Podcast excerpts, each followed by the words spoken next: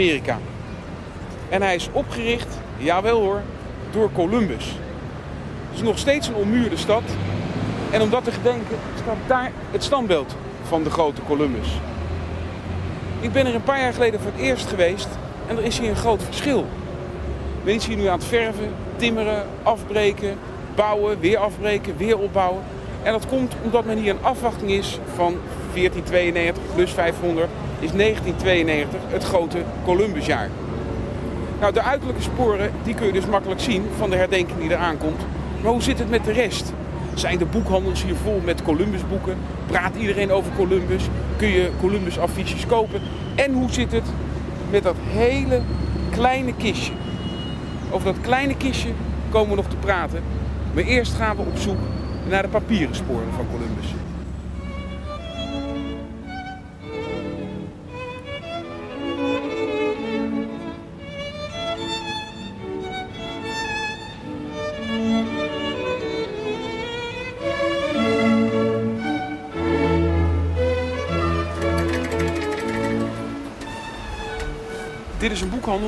Daar ben ik uh, 3,5 jaar geleden voor het eerst geweest. En ik herinner mij daarvan dat er toen ongelooflijk veel boeken van Balaguer te krijgen waren, de huidige president. En niks over Columbus. Zullen we eens even kijken? Ja, Columbus is er nou wel. Hier, dit. Ah.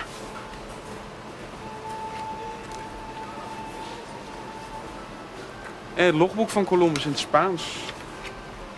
Dat was hier niet te krijgen. Ja, het kolom, hè? Ja. Ja, Colon. En het lijkt ook wel of ze Columbus een paar jaar geleden, dat vonden ze maar een koloniaal. Maar nu in 1992 eruit, eraan komt, Mag hij weer. mag hij weer. Ah. El presidente. De president is een heel voornaam schrijver, Balaguer. Hier staat zijn verzamelde werk. Zoals ook in een van die boeken staat zijn beroemde toespraak voor... Dit is hem, hè? Ja, dit is hem. hè. In een van die boeken staat zijn beroemde toespraak voor Miss Dominicaanse Republiek. Die heeft hij ook toegesproken. Ja? Ja. En kijk eens even hier. Balaguer. Balaguer over Columbus. En dit boekje is uit 1974 en heeft niet goed verkocht. Maar wedden dat, dat het nu gaat verkopen. Kijk hier ook. Spanje en de Dominicaanse Republiek. hè. Ook zie je veel. Ik zag eh, ergens anders in de winkel zag al een Columbus agenda liggen. Even kijken of ik die kan vinden.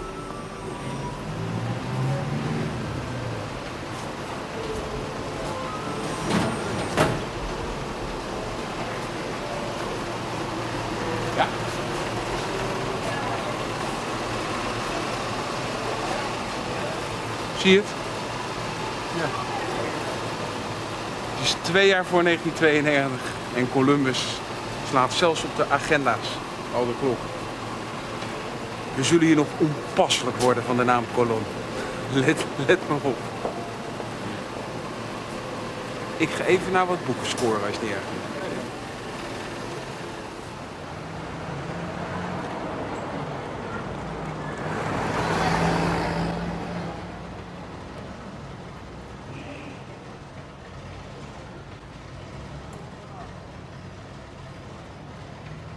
En dan moet hij hier ongeveer geland zijn.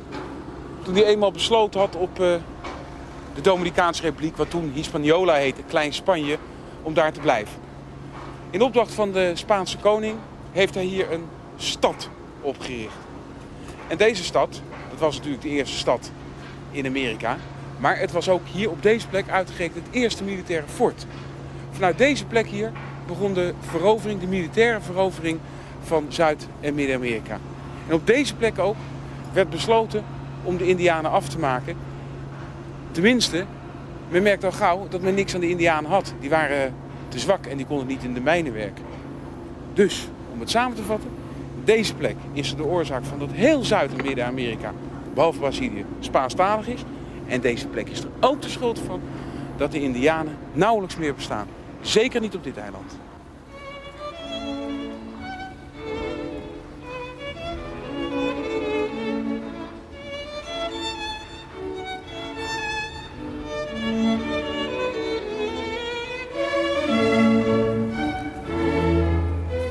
Die bouwden op een eh, fort een eh, hoge toren.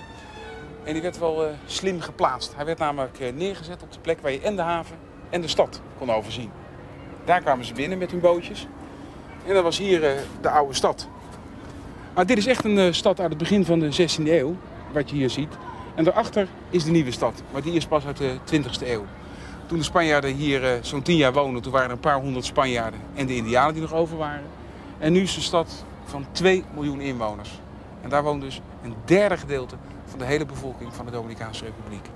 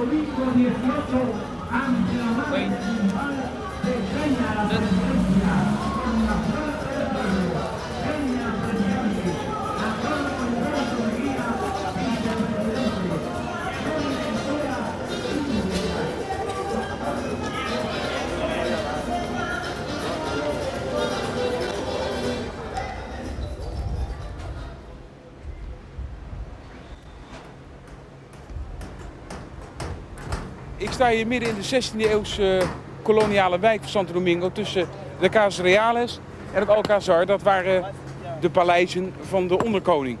Een paar jaar geleden stonden hier allemaal kleine oude huisjes. Het was een ontzettende rotzooi. En nu is men hier aan het graven en men heeft al heel veel sporen ontdekt. Ja, dit moet over eh, iets meer dan anderhalf jaar klaar zijn voor het grootste feest uit de geschiedenis van Amerika. En als wij hier lang blijven staan, dan werken ze niet door. Dus ik stel voor dat wij onze spulletjes pakken, anders komt het echt niet klaar.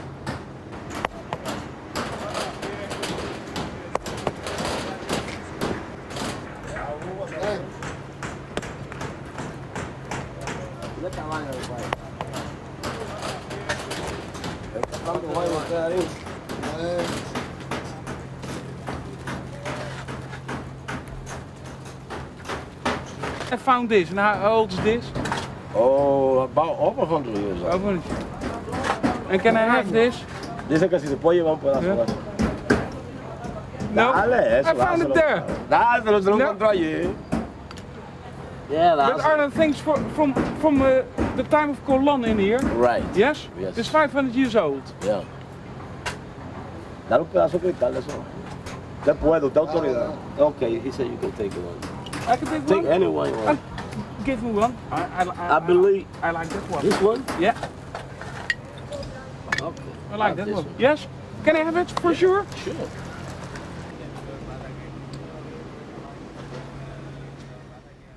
Columbus die stierf een beetje miskend en treurig in Spanje. Maar hij had wel goed voor zijn familie gezorgd. Zijn zoon Diego werd onderkoning van het eh, Spaanse Rijk in Amerika. Dat was in het begin natuurlijk nog maar heel klein. Maar het Spaanse Rijk werd bestuurd toen vanuit Santo Domingo. En Diego werd benoemd tot eh, onderkoning. Het Spaanse koloniale rijk heeft altijd anders in elkaar gezeten dan de andere koloniale rijken. Men benoemde onderkoningen en die waren een beetje gelijkwaardig aan eh, de koning of de koningin in Spanje. En Diego die hield hier hof. Hier zat hij op zijn troontje en hier ontving hij mensen. En van hieruit expandeerde het eh, Spaanse koloniale rijk. Het bestuur van dat rijk is de eerste 60 jaar hier gevestigd geweest.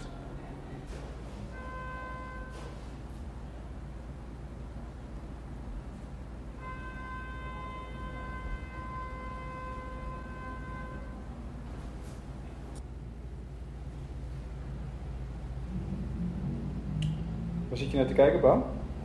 Ik kijk naar een eh, hele beroemde kaart. Dit is eh, de Mapamuni, de be- beroemde wereldkaart uit 1500. En hier kun je dus zien eh, hoe de toestand van de wereld was acht jaar na de ontdekking van Amerika door Columbus. De ontdekkingen van Marco Polo stonden er al op. Kaap de Hoop was al lang omzeild, dat was al voor Columbus gebeurd. En je ziet de hele Cariben erop staan. Maar je ziet dat er in die acht jaar, tussen 1492 en 1500 veel gebeurd is. Maar je ziet dat de kusten van Zuid-Amerika en zelfs Florida je aankomen. Dit is uh, helaas een kopie. Maar als ik zeg helaas, is dat niet helemaal waar. Want deze kopie is buitengewoon kostbaar. Deze is uit het midden van de jaren 70 en van een origineel gemaakt wat heel stevig ligt uh, opgeborgen in uh, Madrid. Je hebt twee beroemde wereldkaarten en daar is dit er één van. Deze is schier onbetaalbaar. Wat ook uh, leuk is, wat je aan deze kaart kunt zien, de cartografische ontwikkeling. Voor 1500 zie je vaak dat kaarten door gebrek aan informatie worden opgevuld met allerlei leuke tekeningetjes. En hier zie je de omslag. Hier zie je al heel duidelijk grenzen en namen. En waar men geen informatie heeft, maakt men gewoon leuke tekeningetjes die dikwijls helemaal nergens op slaan. Bijvoorbeeld te geven, hier zit midden in Afrika een, een koning. Nou, men was daar nog nooit geweest, want het zou nog een paar eeuwen duren voordat Livingstone dit gebied hier ontdekte. Als je een eeuw later kijkt, in 1600, zijn bijna alle tekeningetjes weg en dan heeft men rivieren en namen getekend. En tot slot nog even dit. Hier staan wij nu. Dit is La Española, Klein Spanje, wat nou Hispaniola wordt genoemd. En daarop ligt de Dominicaanse Republiek. En je kunt zien dat de grenzen van het eiland al helemaal verkend waren. Acht jaar na Columbus. Zulke kleine scheepjes. Nou ja, zo. These are the three ships of Colón. It's a model of the three caravels, Santa Maria, and the ship La Pinta, and the small one is La Niña. In the biggest one, here came Christopher Columbus. That ship was sunk here on the island because uh, some uh, sometime this island was attacked by a hurricane and was sink here on the island. And the small one, La Niña, here came in the third ship. Third ship made Christopher Columbus to the American continent.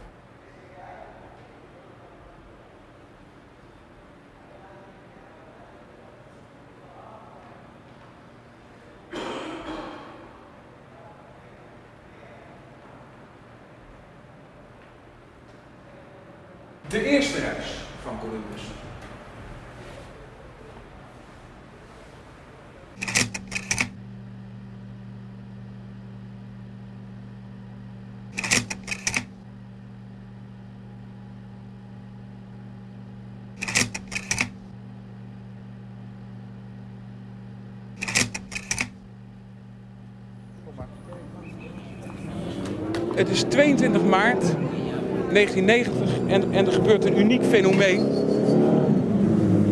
De president van de Dominicaanse Republiek komt het.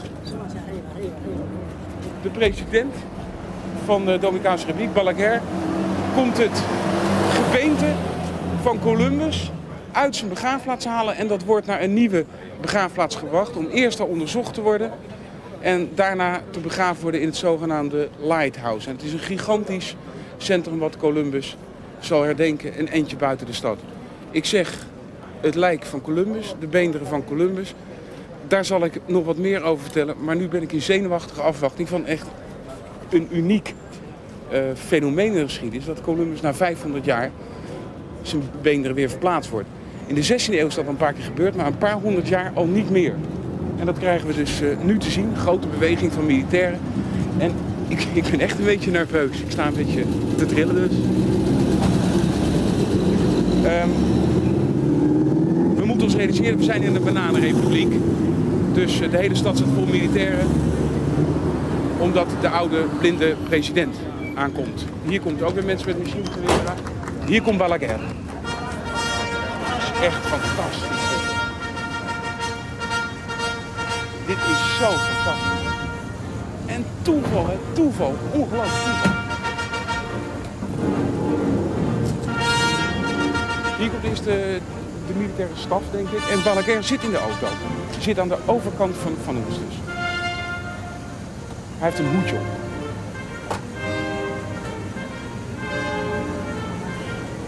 Je ziet nu zijn hoedje.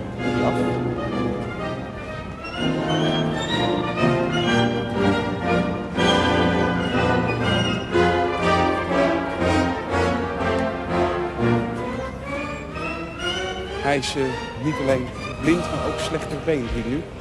Hij wordt dus door twee militairen, die lopen naast hem, die leiden hem. Hè, want hij kan dus niks zien en hij loopt moeilijk. Het is dat, dat zwarte hoedje, Thomas. Zie je het? Dat kleine dopje. Het is hier voor Israëls militairen die elkaar omhelzen hier.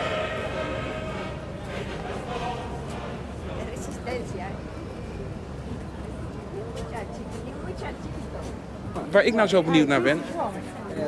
De beenderen waar het nu over gaat, waar we hierbij zijn, die zitten in een klein lode kistje. Ik stel me zo voor dat de president dat opneemt of zijn assistenten en dat dat in een begrafenisauto wordt gedaan. Ik weet het niet. En dat het wordt weggebracht. Maar dan ben ik benieuwd waar die, die auto dan is. Dan moet er een soort feestauto waar Columbus, eh, Columbus zal ik maar even zeggen. Waar gaat dat kistje in? In de achterbak van de auto van de president? Ik weet het niet.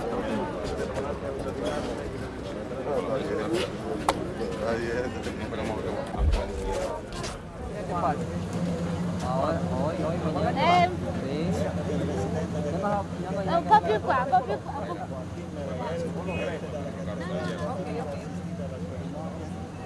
Eh, Beccheto è preso da due persone. Sì, come il cappello, cappelli bianchi, grigio, cravatta rossa.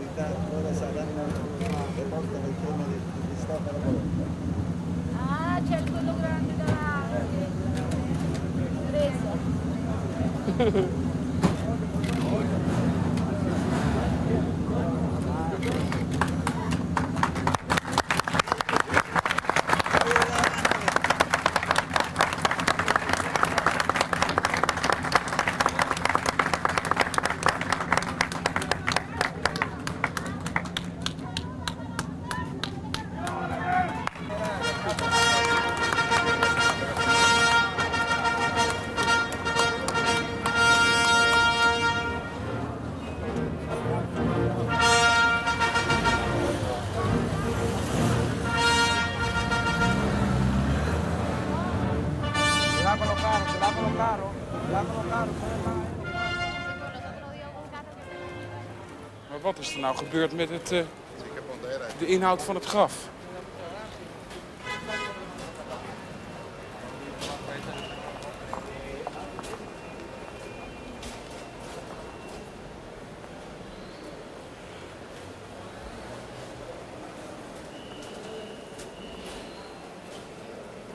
Beenderen zijn vanuit het oorspronkelijke grafmonument, het 19e eeuwse grafmonument, nu verplaatst naar een kapelletje. Waarom, dat weten we nog niet, maar daar wordt een stuk weer weggehaald. Maar het is dat ijzeren, die ijzeren kist met die twee kruisen erop. Daar hebben ze net dus heen gebracht. En ik denk dat, dan, dat hij van hier weer verder wordt eh, getransporteerd om het onderzoek eh, op eh, de beenderen te plegen. Maar een aartsbisschop heeft het eh, ook gezegend. En er zijn, hoorde ik net, een aantal getuigen bij, notarissen, dat het allemaal eh, zo goed mogelijk is gedaan. En de plechtigheid was nou alleen het losmaken, het weghalen uit het oorspronkelijke monument en het voor vervoer gereed maken. Begrijp ik. En daarom staat het nu even daar.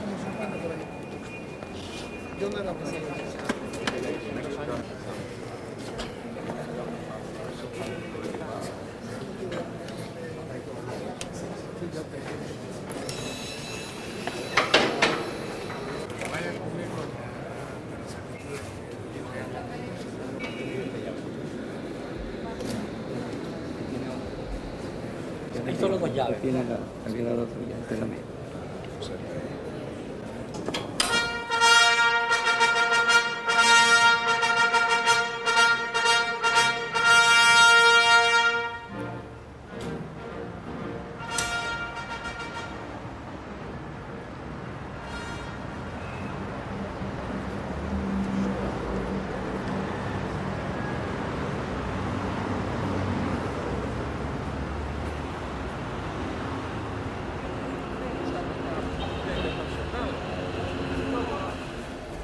Ik heb twee eh, oude boekjes eh, besteld over het eh, Columbus monument wat ze hier al heel lang willen bouwen. Schijnt dan. Ah, thank you man, thank you. Thank you.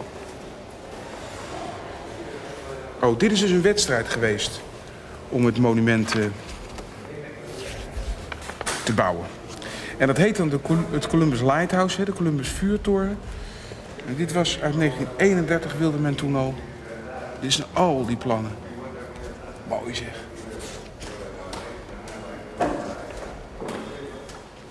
Prachtig.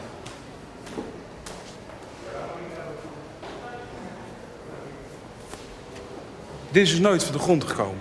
Tot nu. Ze zijn er nu, nu aan het bouwen. Maar dat ze nu aan het bouwen zijn, heeft verdomd weinig weg van een vuurtoren overigens. Je komt het plan voor een, eh, een lighthouse. Voor eh, Columbus kom je al in de 19e eeuw tegen. Dat men het grootste monument wilde bouwen wat ooit gebouwd was. Een soort eh, tiende, elfde wereldwonder. En dit zijn allemaal plannetjes dus ervoor. Wij zijn nog niet eh, dicht bij het, eh, het wat er nou uiteindelijk is gekomen. Zijn wij nog niet di- dichtbij gekomen. Maar wat je al kan zien vanuit de verte lijkt het toch niet erg veel op een... Nee, het is meer een soort van flatgebouw. maar een soort flatgebouw, hè? Hier nog een ander boekje. Ook over hetzelfde. Oh ja, kijk. Dit is een klassiek plan. Dit plan, dat heeft men eh, echt bijna gerealiseerd. Er kwam hier een enorme vlam uit. Maar dit is ook dus niet doorgegaan. Dit lijkt ook niet veel op een vuurtoren. Ik denk dat we eens moeten gaan kijken hoe eigenlijk die vuurtoren, Lighthouse, hoe het er nu uitziet.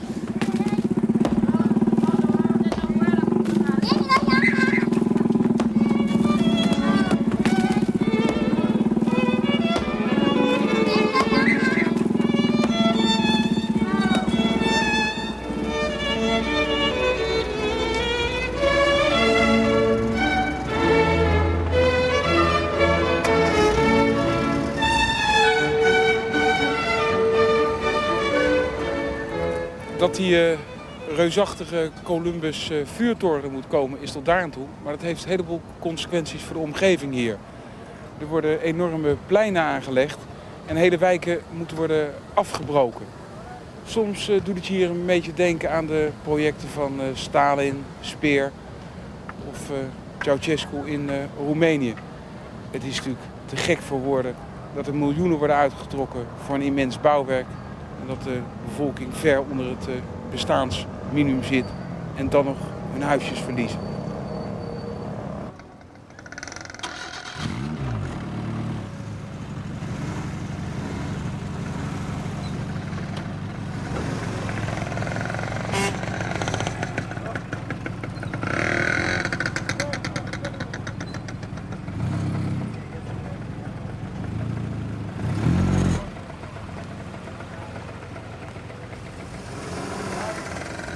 Dit zijn eh, de kranten van vandaag.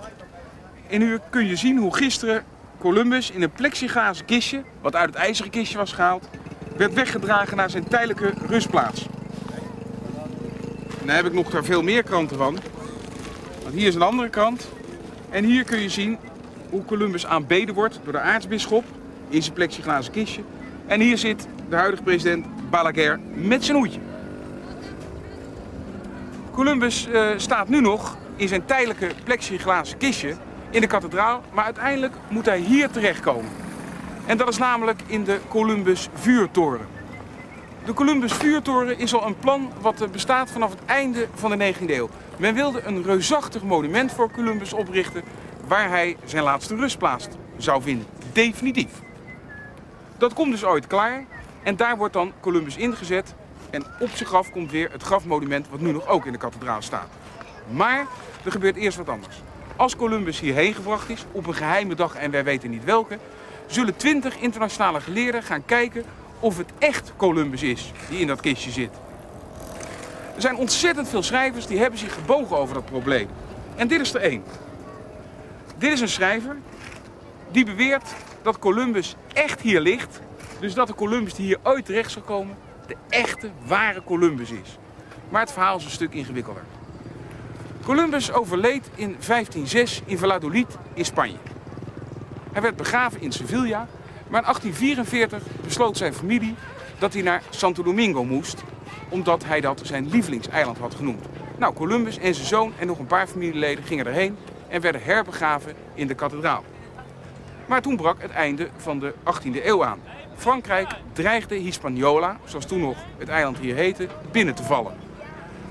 De Spanjaarden brachten eilings Columbus naar een stukje Spaanse grond, namelijk naar Cuba. Dat was toen nog Spaans.